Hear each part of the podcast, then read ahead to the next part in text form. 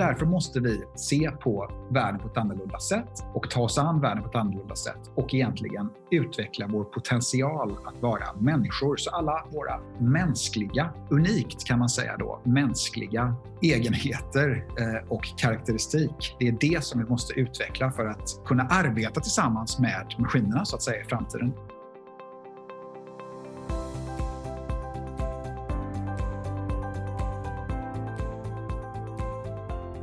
Hej allihopa! Då var det dags igen. Nytt avsnitt av Konkurrenskraft, podden där vi pratar om framtidens beslutsfattande, verksamhetsstyrning och ledarskap. Jag heter Robin Askelöv och är marknadschef på Hypien som ju ger ut den här podden. Och Hypien det är ett techbolag där vi brinner för just beslutsstöd och verksamhetsstyrning. Och eh, här i podden, ja vi fortsätter att testa nya vinklar på hur vi som beslutsfattare kan bli bättre rustade inför framtiden. Det gör vi genom att träffa intressanta människor med spännande erfarenheter och perspektiv. Och idag då ska vi prata om betydelsen av bildning. Både idag och kanske ännu mer i framtiden. För faktum är att eh, dagens gäst han pratar sig varm om eh, att utbildning utan bildning kan bli otillräckligt om man ska bli en vass ledare, stå sig i eh, konkurrensen i näringslivet eller bara kunna förhålla sig till sin omvärld på ett bra sätt. Och I sammanhanget ska vi dessutom prata om Handelshögskolan i Stockholm och hur de förbereder studenterna som ju faktiskt, om man ska vara klass, har en tendens att hamna på poster som påverkar utvecklingen framåt i både samhälle och näringsliv. Och eh, båda de här ämnena hänger ihop och eh, den vi ska prata med, ja, det är ingen mindre än rektorn för just Handelshögskolan i Stockholm, Lars Strannegård. Så Lars, jag säger varmt välkommen till dig. Hur står det till? Tack så mycket. Det står mycket bra till. Och tack för den här fina introduktionen. Jag eh, växlade några ord med dig här precis innan och förstod att du sitter inne på Handelshögskolan. Är det lugnt där just nu i de här tiderna? Ja, det är lugnt. Eh, vi har ju själva lokalerna är öppna så att studenterna kan sitta här och plugga och sådär. Men mm. Eh, själva undervisningen, den görs digitalt. Mm. Ja, jag fattar. Och eh, vi ska bara gå in lite på dig här. Du är ju rektor på Handelshögskolan. Eh, sen har du en tung akademisk bakgrund. Du är professor i företagsekonomi och ledarskap. Du har också varit gästforskare vid Stanford University och professor vid eh, Uppsala universitet. Och du, jag, innan vi drar igång, jag, jag hörde dig i en annan intervju eh, där du poängterade att eh, professuren i ledarskap det innebär att du är expert på att studera ledarskap men att det inte nödvändigtvis gör dig till expert på att praktisera det. Samtidigt så har du varit rektor nu på Handelshögskolan i snart sju år om jag förstår rätt. Eh, mm. Hur skulle du skilja, eh, alltså om, om du skulle, skulle värdera, hur skiljer sig ledarskapet i den akademiska världen mot det privata näringslivet? Nej, men det skiljer sig så tillvida, alltså på någon sorts grundläggande plan så är det ju så att eh, eh ett universitet eller en, en handelshögskola som vår, den har ju egentligen som mål att bli eh, starkare och att ryktbarheten ökar. Att man eh, på företagsspråk, att vårt brand så att säga blir starkare. Att vårt, me, vårt eh, mål är att få ett starkare varumärke eller då ryktbarhet. Eh, och vårt medel, det är pengar. Och ett företag eh, har ju egentligen en sorts inverterat eh, uppdrag på något sätt. Eh, nämligen att generera pengar till sina ägare som det står i aktiebolagslagen och som eh, sitt medel för det är det att stärka varumärket. Mm. Så deras mål är pengar, deras medel är varumärke. Eh, och för en institution som vår så är medlet pengar och målet varumärken. Mm. Och det blir, eh, eh, alltså då, då, då, handlar det om att man ska göra så många eh, saker som förvisso då på samma sätt som ett annat eh, lärosäte eller eh, ett, en annan eh, kommersiell organisation att leverera så bra kvalitet eh, som möjligt. Men sen har vi ju också detta att den akademiska friheten är så vansinnigt central så att det är viktigt för oss att forskarna får, får syssla med det som de verkligen vill och det de vill mm. göra. Eh, och en bra forskare låter sig ju heller inte riktigt styras. Så att det finns ett skojuttryck som är att vara chef för en akademisk institution. Ja, det är som att vara eh, det är som att valla katter. Okay. Och det ligger ju ganska mycket i det. Mm. Och de, de ska vara kattlika och eh, duktiga akademiker är väldigt kattlika. De, är liksom, de ser sig som leoparder eller, mm. eller ännu mer kraftfulla eh, kattdjur på något sätt. Så det kräver ju att man har en väldigt stor respekt för de här individuella medarbetarna. Att man ger dem mycket frihet och att man verkligen eh, arbetar som någon sorts servicefunktion egentligen. Att mitt mm. jobb är att försöka stärka våra medarbetare så att de kan vara bra på undervisning så att eh, det blir en positiv spiral av bra forskning som, som, som eh, drar till sig duktiga studenter som får bra jobb. Mm.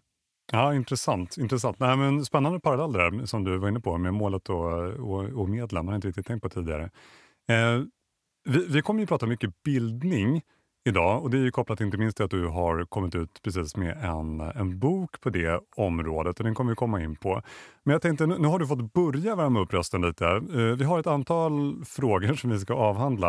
Men jag tänkte jag skulle börja med, med några frågor som jag ställer till alla våra gäster. Det är bara några, några snabba frågor med, med några korta svar. Känns det okej? Okay? Absolut. Underbart. Uh, och uh, då tänkte jag börja med den här. N när har du som absolut roligast på jobbet? Ja, men det är ju när man får träffa eh, många människor och det är en händelserikt av en mycket social interaktion, vilket jag har varit för lite av nu. På temat just det året som har varit, eh, vad är du mest stolt över under det här året som har gått? Ja, men det är tvivelsutan att vi har lyckats att eh, ställa om hela den här, eh, vår verksamhet till att, eh, till att bli digital på ett, eh, ett så otroligt bra sätt. Att det var så många som så snabbt lyckades göra detta, det var ju häpnadsväckande. Jag trodde aldrig att det skulle kunna gå så bra som det gjorde. Mm. Jag är jätte, jätte glad över, mm. verkligen. Mm. Ja, den erfarenheten tror jag du delar med många. Alltså, så många föreställningar man hade om saker som inte skulle funka och som visade sig funka alldeles utmärkt. Precis, och ännu mer så tycker jag i den, här, den akademiska världen som ju ibland sägs vara så förändringsobenägen och det är liksom någon sorts dinosaurieverksamhet där ingenting går att ändra och sådär. Mm. Vilket är sant i någon mån, men i det här fallet när det gällde undervisningen så sa det tjonk och så gick det. Mm. Så det, det, det, är eh, väldigt imponerande. Men absolut så delas det av många. Mm. Om vi tittar framåt då, och så tänker vi någon, någon sån här perspektiv, tre år fram, och så tittar du tillbaka där, där du står om tre år. Vad tror du att du kommer vara mest stolt över då?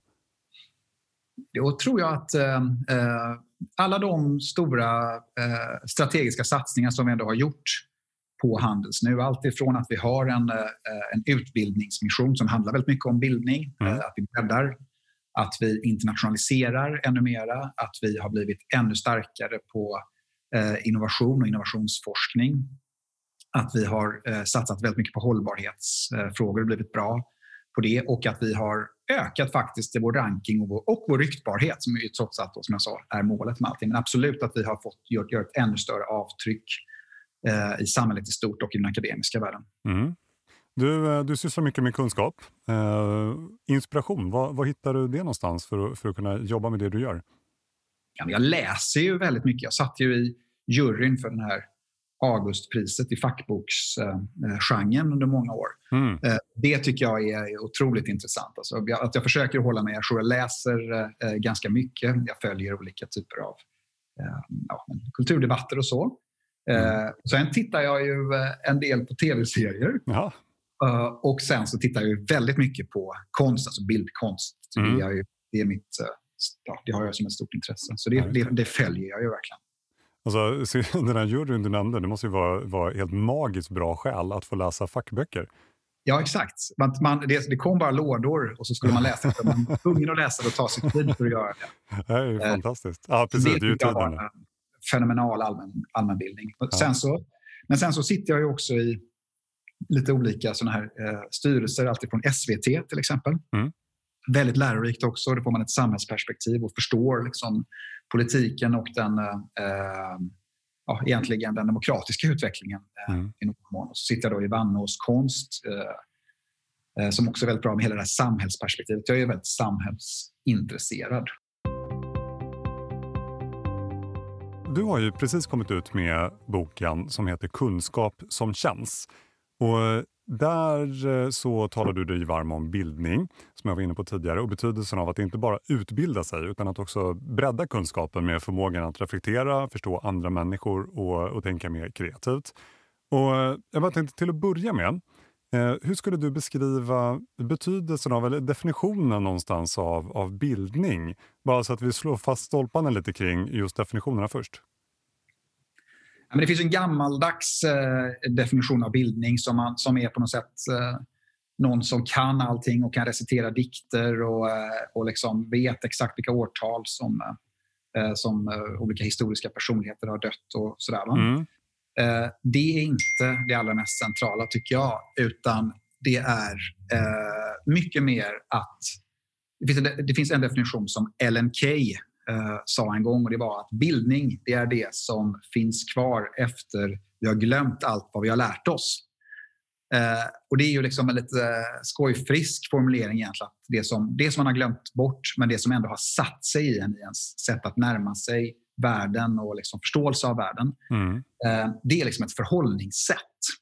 Och eh, den som, är, som har tillräckligt mycket kunskaper och förståelse av världen och förmåga att reflektera och ta in ny kunskap kontinuerligt som står med båda fötterna på jorden eh, och inser att, eh, att hon eller han inte kan allt eller förstår allt men ändå känner sig säker och glad och hoppfull på något sätt. Mm. Det är min bild av en bildad person som inte är rädd för, för, för framtiden eller för världen så som den ser ut.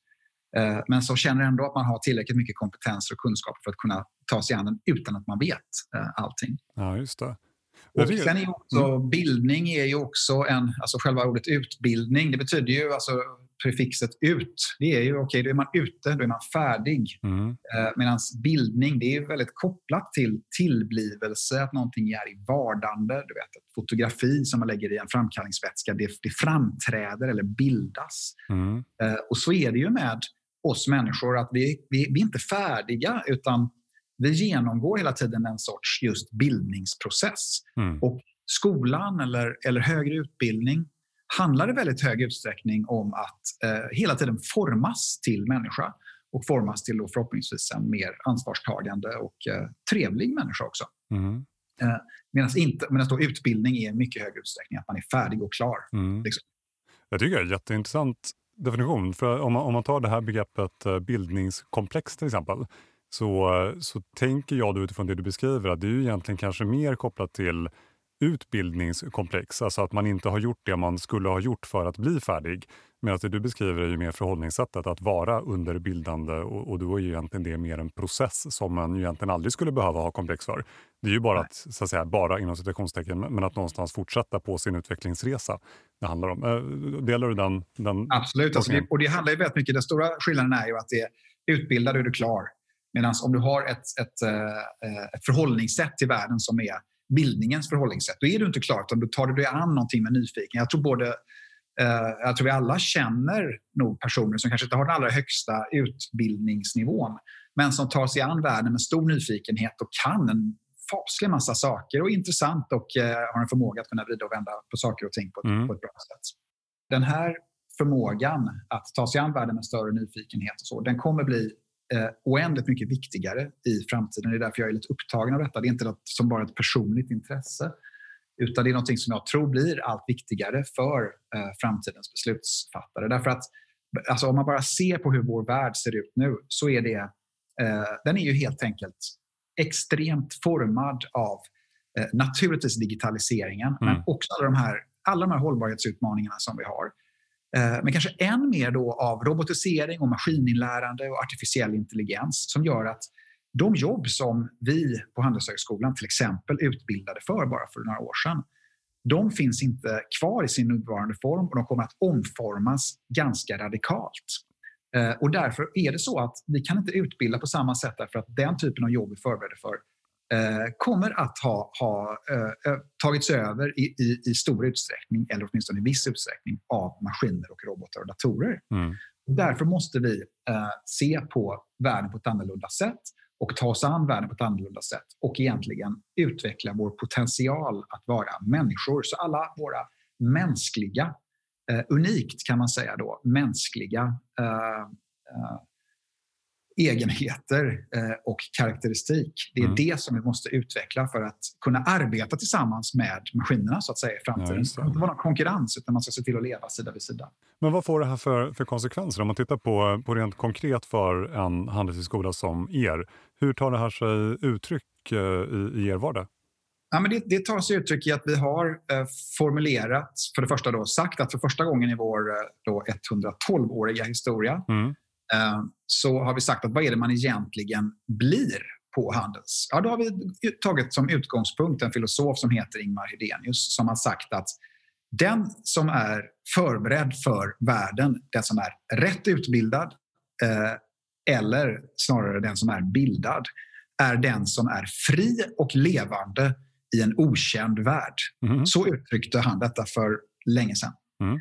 Och då kan man säga att ja, men är man fri och levande i en okänd värld, då är det för det första, ja, nog, nog attans är vår värld okänd så som den ser ut. Bara pandemin visade det, att det gick mm. från en vecka till en annan helt ny värld. så att säga. Eh, och är man då fri och levande, nyfiken och, och rör sig fritt eh, i och nyfiket och hoppfullt i den, då är det så att då är ju utbildning, det handlar, det är allt väsentligt så handlar utbildning om att frigöra människan. Det är liksom ett emancipatoriskt eh, frigörande projekt.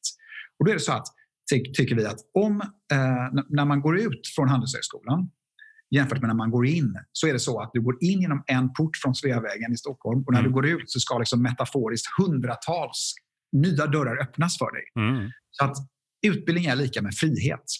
Och då har vi tagit detta med eh, frihet som, ett, som en förkortning på engelska, free, och säga att en, en handelshögskoleutbildad student ska präglas av F som står för fakta och vetenskapligt baserat synsätt. Mm.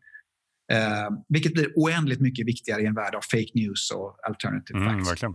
Du måste liksom ha kritiskt tänkande och du måste ha fakta. Du kan inte bara kritisera världen om inte du vet hur, eh, hur, hur fakta ser ut. Så att säga. Det är mm. basen ännu viktigare eh, än någonsin. Och sen står R för reflekterande och självmedveten. Ännu viktigare också, vem är jag? Vad är det jag står för? Eh, eh, vad, vad, är liksom, eh, vem är det som försöker påverka mig? Jag är medveten om mig själv och mina egna val. Mm. Um, så det är R. Och sen står E för empatisk och kulturellt eh, medveten eller kulturellt läskunnig. Mm. Och är du empatisk, då har du förmågan att kunna sätta dig in i andra människors situation och se världen ur deras perspektiv. Då blir du en oändligt mycket bättre beslutsfattare därför att du, blir, du blir en bättre säljare, du blir en bättre finansanalytiker, du blir en bättre chef. Mm. Eh, och att vara empatisk är liksom just den förmågan att se världen ur någon annans perspektiv. Och det är maskiner än så länge väldigt dåliga på att göra. Mm. Och det kan du träna genom din kulturella läsbarhet, eller läsförmåga. Mm. Eh, genom en mängd olika saker. Till exempel att eh, umgås med folk från andra, andra nationaliteter eller andra bakgrunder. Eller läsa skönlitteratur eh, eller utsätta dig för saker som du inte själv riktigt förstår. Typ eh, lite, lite samhällsutmanande mm. eh, konst till exempel. Det är en sån sak. Mm. Och sen är det sista står för entreprenöriell och ansvarstagande. Som man också måste vara, som är liksom den kreativa aspekten.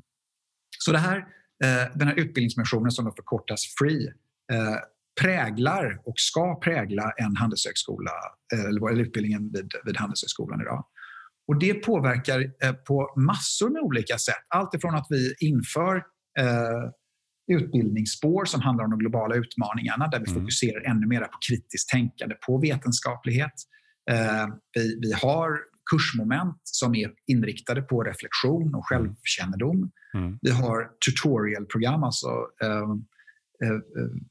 egentligen eh, undervisningsmoment som är väldigt nära mellan, mellan, mellan studenter och, eh, och lärare och professorer. Mm.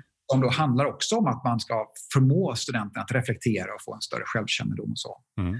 Eh, och, och, eh, och sen har vi sånt som, som eh, det här, ett, ett, ett superambitiöst konstprogram där vi har en växande konstsamling, vi har pågående utställningar, vi har, får in konst i våra klassrum. Eh, vi, har, vi har seminarieserier, eh, vi har konstnärer som kommer och pratar etc. Mm. Och allt det handlar om eh, egentligen det här R, R och E och E i det här mm. free. Det ökar din reflektionsförmåga. Gärna konstverk som man inte riktigt förstår. Ja, och då säger vi att det ska fungera som ett intellektuellt klipulver. Det är sådär, mm. vad är det här för någonting?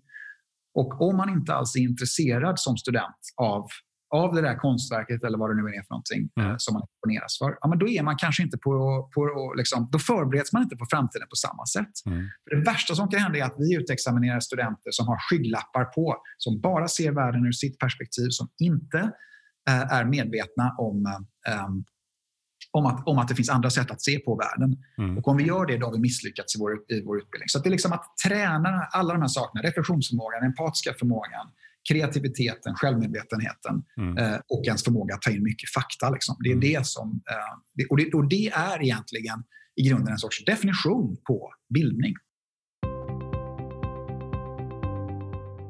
Du har ju själv en bakgrund som, eh, som gästforskare, det nämnde jag ju tidigare, på Stanford University.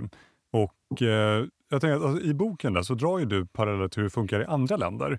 Eh, och där tar man ju, menar du, och det kan man ju faktiskt se också, många gånger tar man ju ett helhetsgrepp kring vad, vad man kan beskriva då som tanken, själen och kroppen. Och det är lite det du är inne på här med, med eh, akronymen FREE också. Till exempel i USA så är det ju självklarheter att sport är, är väldigt närvarande i, i lärosätena. Eh, berätta om dina tankar där och dina spaningar just tillbaka från Stanford och, och vad du har sett utomlands. Ja, men det är ju, I grunden så är utbildning i Sverige det är, en, eh, det är rätt trist, liksom, för att säga det eh, kort. Det är, eh, ja, men det är liksom, man lägger nu för tiden då ganska liten vikt vid att göra till exempel skolor så som de ser ut. Mm. Rätt lite kraft på att göra dem vackra, eller stimulerande eller fina. Eller så. Mm. Om du jämför med hur det ser ut, titta på en gammal skolbyggnad, ett gymnasium i någon av våra större städer, hur de ser ut. Enorma, nästan palatsliknande, eh, ritade av de bästa arkitekterna mm. från tiden. Eh, fullpackade med konst av, av eh, landets mest eh, eh, prominenta konstnärer till exempel. Så ser nästan alla gymnasieskolor ut, mm. Eh, eller, och, och högre läroverk. Idag ser det inte alls ut på det sättet. Man bryr sig inte om estetiken till exempel alls på samma sätt. Mm. Eh, utan det är, lite, det är ganska tråkiga eh, lokaler, det är eh, skåp. Ja, alla, alla har vi ju gått till skolor och vet att mm. det är liksom ingen, ingen, eh, det är ingen, det är ingen skönhetsupplevelse för att, säga det krasst, att gå mm. i skolan. Um, men, och det gäller även universiteten i stor utsträckning. Så om du jämför med hur det är på ja, men till exempel Stanford då, eh, eller på, på ett eh, anglosaxiskt universitet med, som är högprofilerat.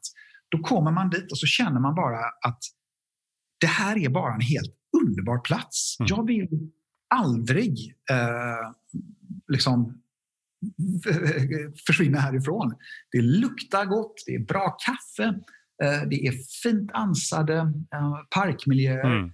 Det är liksom trevligt och härligt på något sätt.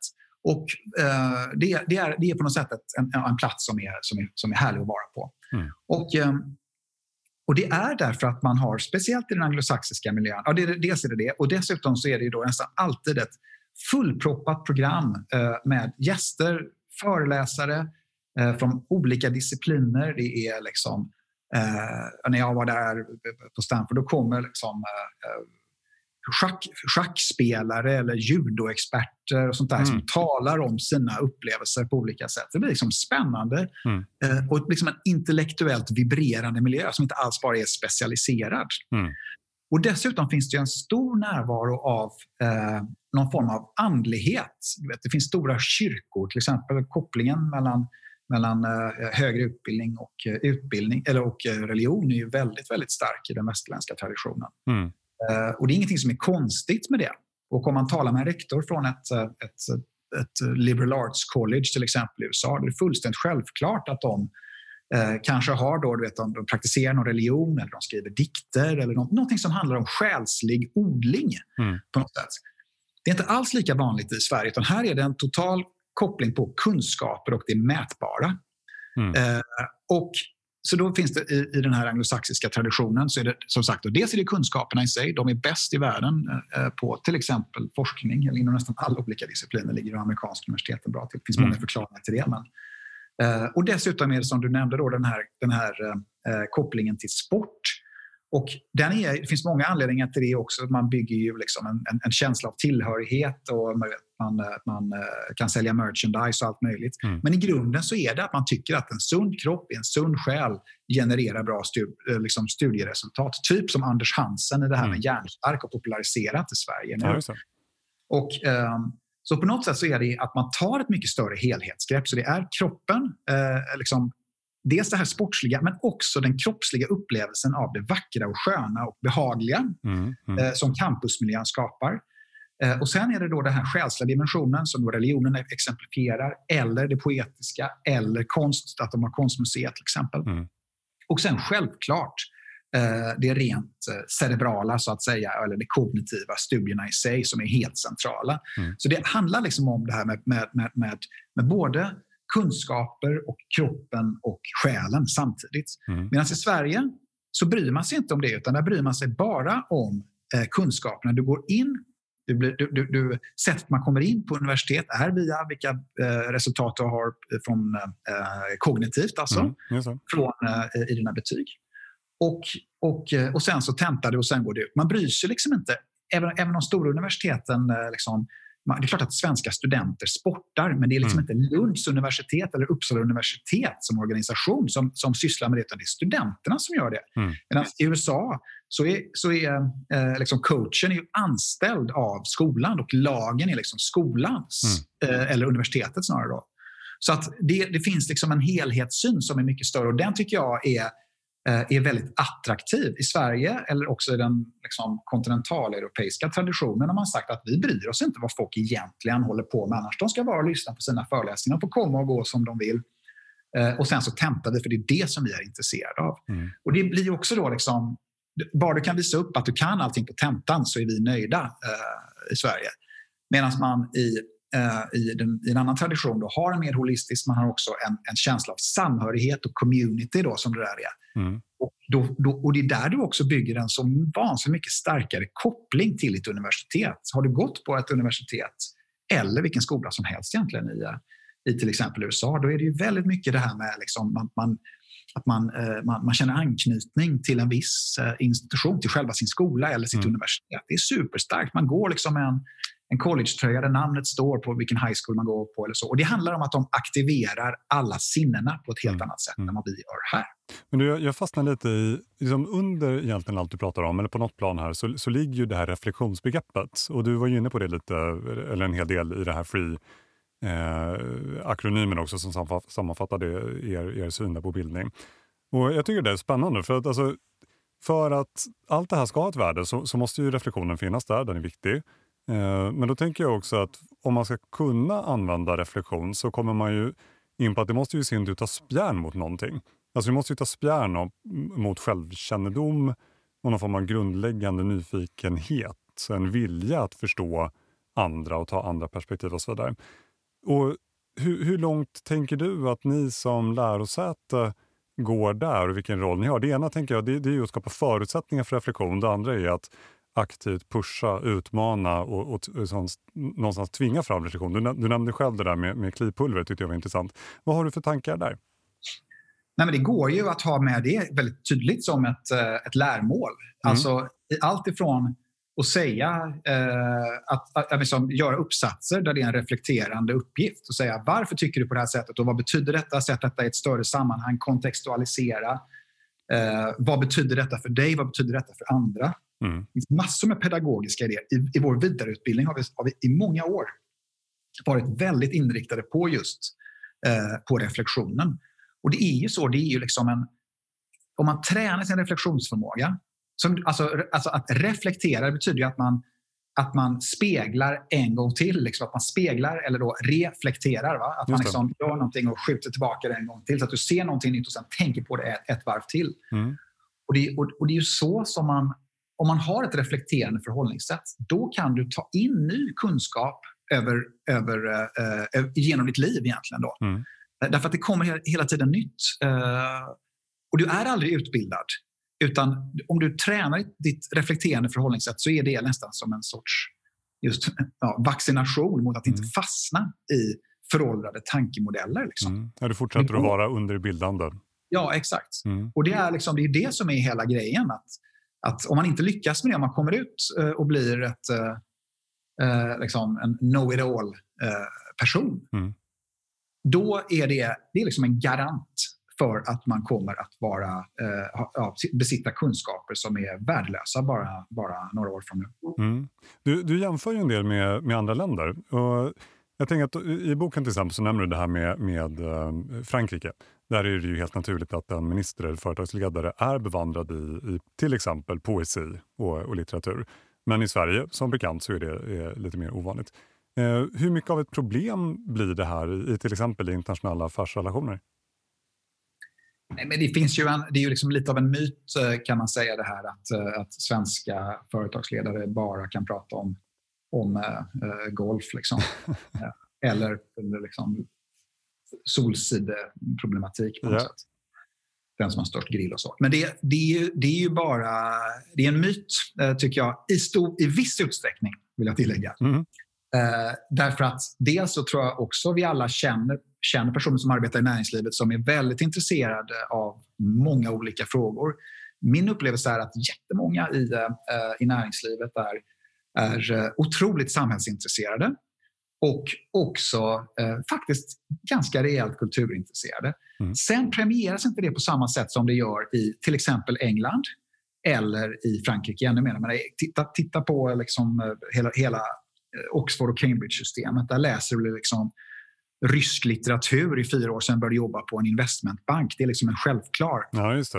Eh, därför att du lär dig att hantera mycket information, att argumentera. Att det är ju liksom en, en helt klart en, en, en bildningssyn som präglar det. Mm. Och i Frankrike eh, så är det ju också liksom självklart att man kan sina klassiker.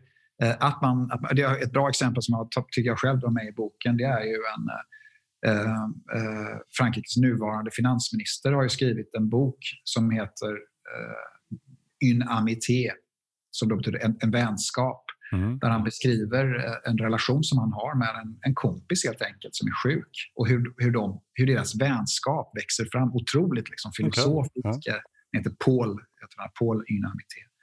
Eh, som då berättar om hur, hur vänskapen växer fram och vad vänskap de facto är för någonting. Väldigt liksom reflekterande just eh, andlig nästan mm. i sin förståelse av vad mellanmänsklig interaktion är för någonting.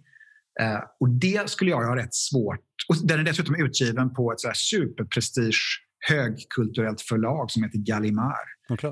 Eh, och det är också liksom ganska svårt att tänka sig att, att eh, några av våra eh, politiker eller företagsledare skulle ge ut eh, mm. liksom, poesi eller så. Mm. Eller väldigt filosofisk litteratur. Det ligger liksom inte i vår kultur därför att vi är en doer-kultur. Eh, mm. Vi är en väldigt ingenjörsinriktad eh, kultur och en ganska prestationsinriktad kultur.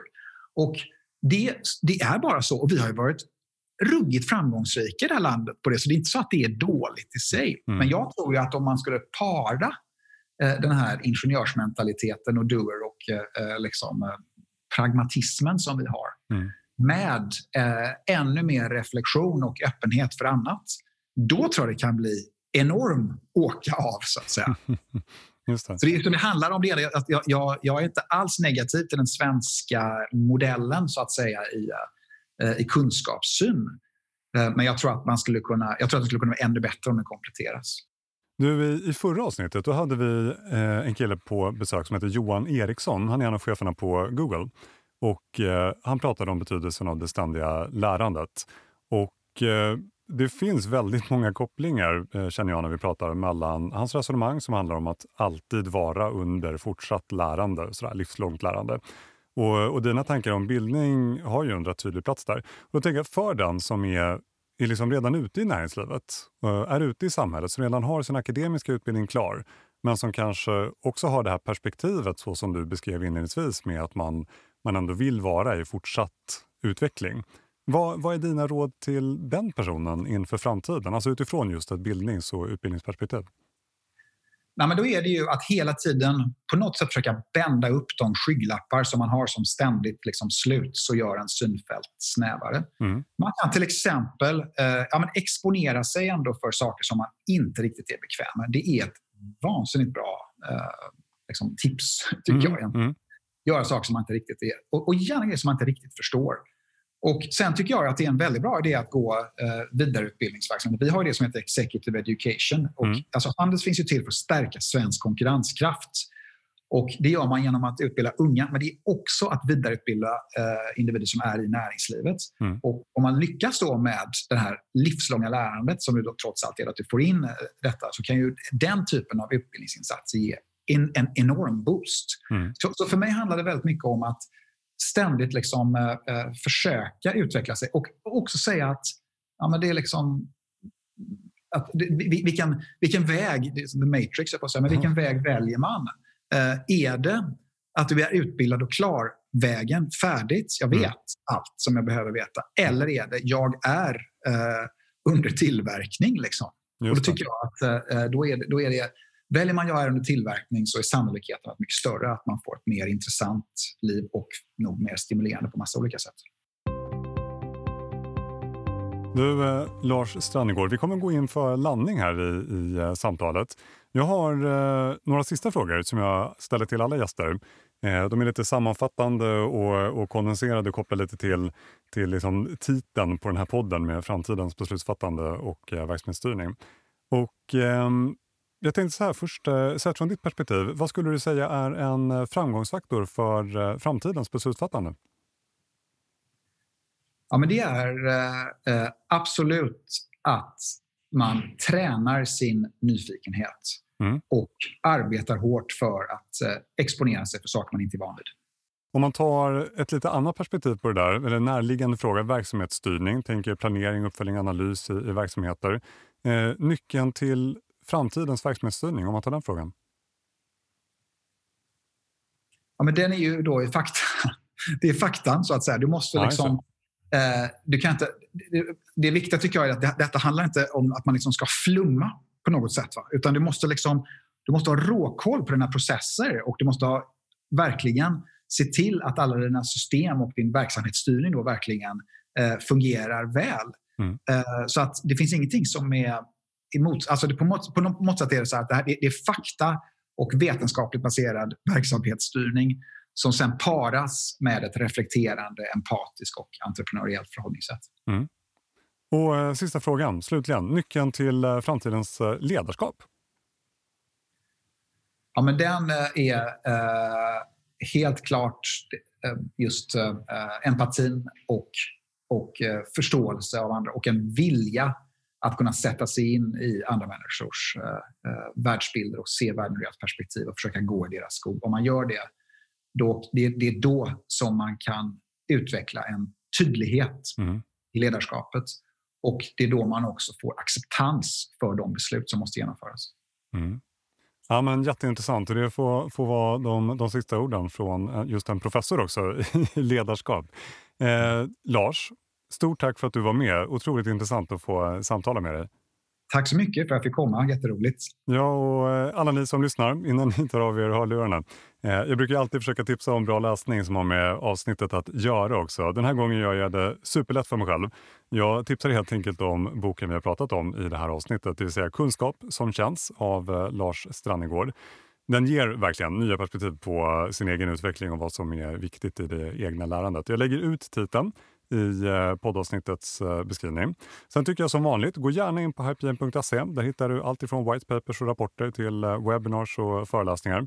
Allt kretsar kring beslutsstöd och verksamhetsstyrning och det har en tendens att handla om just affärsplanering, målstyrning, finansiell planering, budgetprognos och så vidare.